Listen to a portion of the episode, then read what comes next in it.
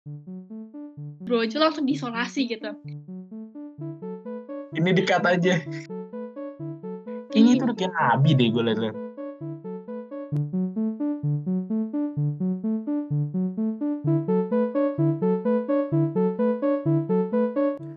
Welcome to BOE Ekonomicast, brought to you by Badan Otonom Ekonomika FEBUI. This is Haikal Kintara. and Erika Tanujaya at your company. Get comfy Grab a snack. and a friend, cause we're about to light up your weekend. Selamat datang kembali di Ekonomi Cash episode terbaru kali ini. Seperti biasa ada gue Haikal Kintara, Dan gue Rika Tanujaya. para EcoCaster, apa kabar di sana? Gimana stay at home-nya selama ini? Ini kayaknya udah lebih dari 60 hari ya. Iya Atau udah belum? lebih dari dua bulan sih ya kayaknya. Jujur sih gue bosan banget Kal. Lu di rumah ngapain aja emangnya?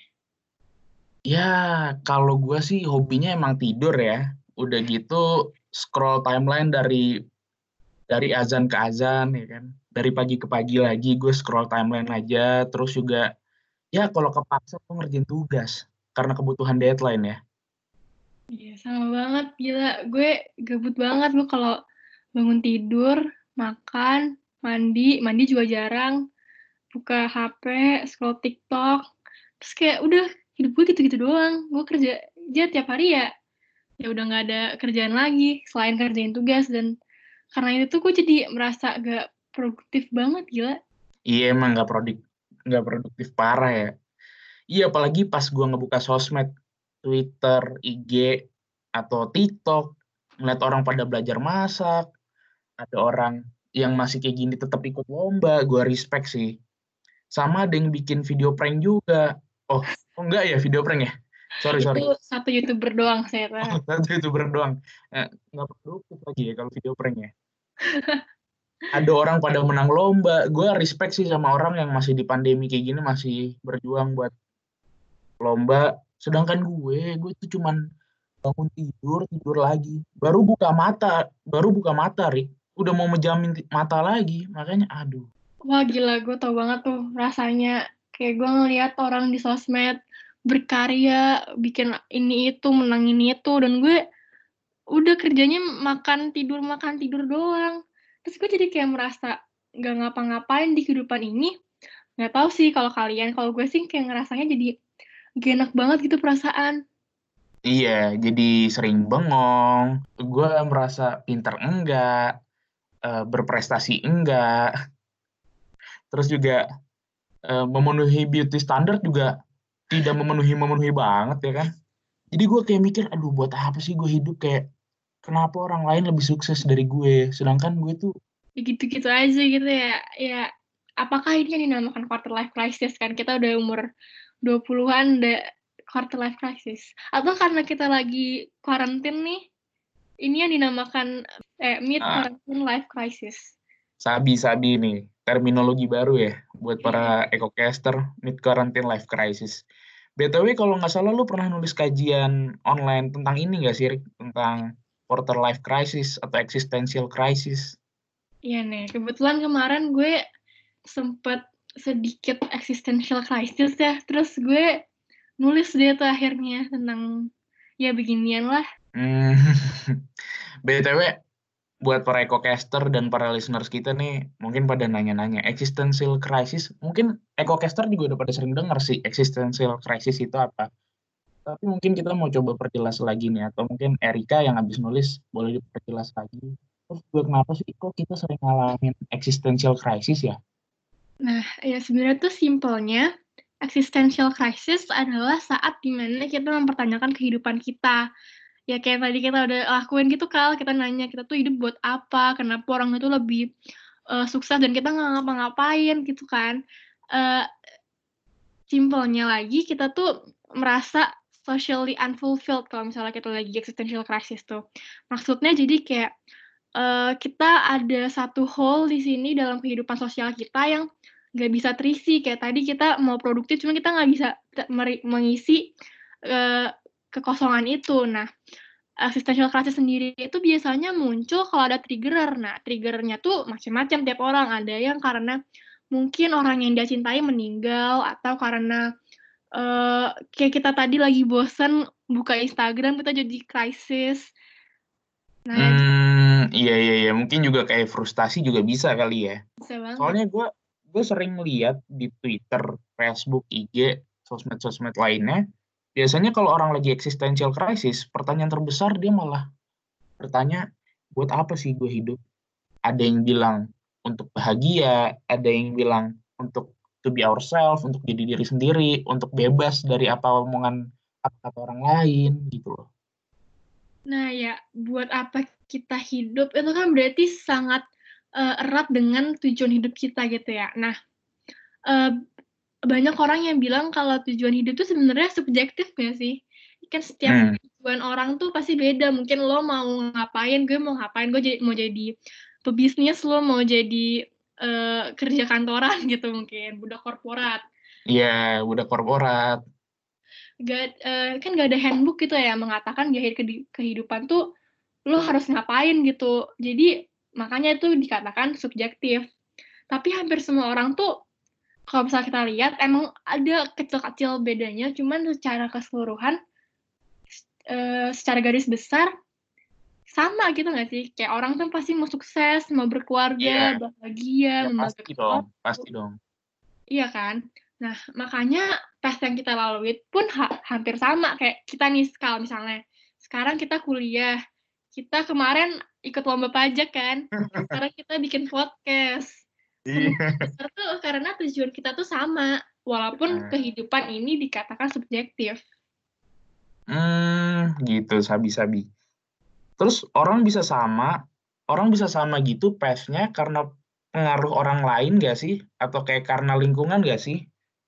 Jadi kehidupan kita juga nggak bisa dikatakan subjektif karena pasti dipengaruhi keluarga, teman, masyarakat, lingkungan eksternal gitu nggak sih, Nah, iya itu makanya mungkin tadi kalau kita existential crisis disebutnya socially unfulfilled, bukan privately unfulfilled.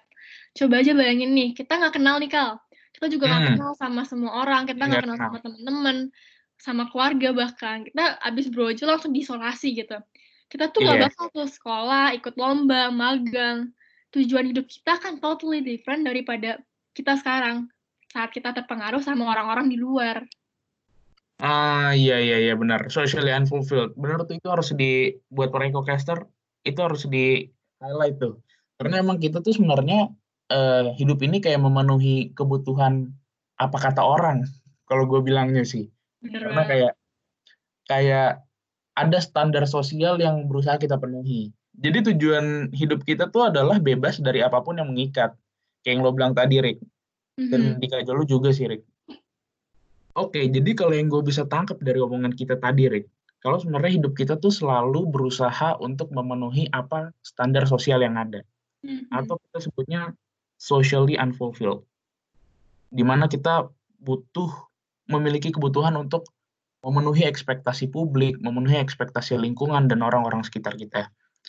Nah, untuk stop feeling unfulfilled atau gimana sih berhenti kita tuh nggak berusaha untuk memenuhi ekspektasi lingkungan, terus kita juga nggak merasa jadi existential crisis yang udah kita obrolin tadi, kita tuh kayaknya harus benar-benar bebas dari ikatan sosial apa pun.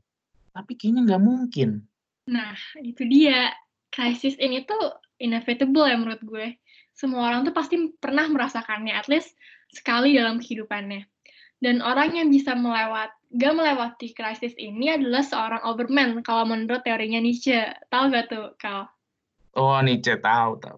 Iya kan, terkenal kan tuh. Overman tuh kalau menurut Nisha ya, adalah seseorang yang bisa dikatakan beyond awake. Kayak seseorang overman itu terbebas dari semua pikiran society, dan di situlah seseorang tuh uh, benar-benar bebas, bisa dikatakan benar-benar bebas dari ikatan sosial yang kayak tadi kita udah obrolin tuh. Makanya Nisha tuh suggest kalau overman adalah step selanjutnya dari human evolution, tujuan akhir kehidupan kita gitu. Jadi yang gue tangkap tuh overman atau bahasa Jerman ini Ubermensch itu tuh kayak orang yang sebenarnya udah bebas dari tuntutan apa pun ya. Bebas mm-hmm. dari keterikatan uh, sosial tentang tentang bagaimana dia harus memenuhi standar tuh dia udah bebas dari itu. Nah, jadi dia tuh udah berarti udah ada di atas lebih di atas manusia biasa dong ya. Kayaknya Iya. itu udah kayak nabi deh gue liat-liat. Makanya dikatakannya overman kan. Dia Oh, over dari man. Jadi bisa nggak sih orang tuh benar-benar free from the endless pursuit of freedom dan benar-benar mendapatkan siklus hidup yang bahagia aja. Ya jadi kayak overman itu kan ya.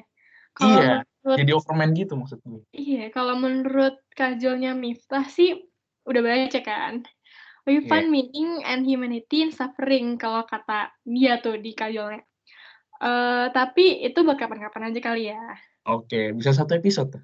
Bisa dong. Ntar kita undang lagi Miftah. Kayaknya kalau gue lihat pembahasan lo tadi, Rick, ini pembahasan seru banget. Cuman kalau kita kalau kita lanjutin lebih jauh, ini bakal jadi satu episode lagi. Tapi gue melihat, eh, tapi gue juga udah baca kajol lo tentang ini, kajian online lo tentang ini nih. Jadi buat para ecocaster dan para listeners di rumah yang pengen bahas lebih lanjut tentang hal ini, bisa bacanya, bisa baca kajian online Erika yang judulnya Seeking Freedom from the Pursuit of Freedom di ekonomika.id. Dan kalau penasaran juga tuh Miftah nulis apa, kita tadi udah sempat eh, mention tuh Miftah ten- eh, ngobrolin tentang happiness-happiness, bisa buka juga ekonomika.id dan cari kajian online yang Miftah yang judulnya Dr. Sisyphus or How I Learned to Stop Worrying and Lock the Hedonic Treadmill. Nah, di situ dia ngobrolin tentang kita bagaimana eh, pursue kita ke happiness tuh kayak treadmill gitu lah. Oh, oke oke oke. Nah, dan kalau teman-teman mau dari dengerin podcast ini, baca kedua kajol, bisa lah. Dan mau diskusi, bisa langsung diskusi ke kita aja nih, Kal. Ke mana tuh? Di Twitternya @boekonomika dan Instagram dengan username yang sama. Atau ke email kita di boe.economicast@gmail.com. Iya, dan kita masih menunggu para ecocaster dan listener yang mau bahas topik apa pun Mhm. bisa kirim ke email kita. Karena kenapa? Karena karena jangan ragu dengan kami sebatas kata-kata bukan budaya kami. So, see you on the next episode. Thank you. Bye-bye.